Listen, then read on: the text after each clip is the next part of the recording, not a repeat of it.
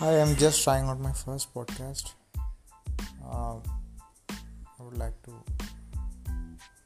know how this works.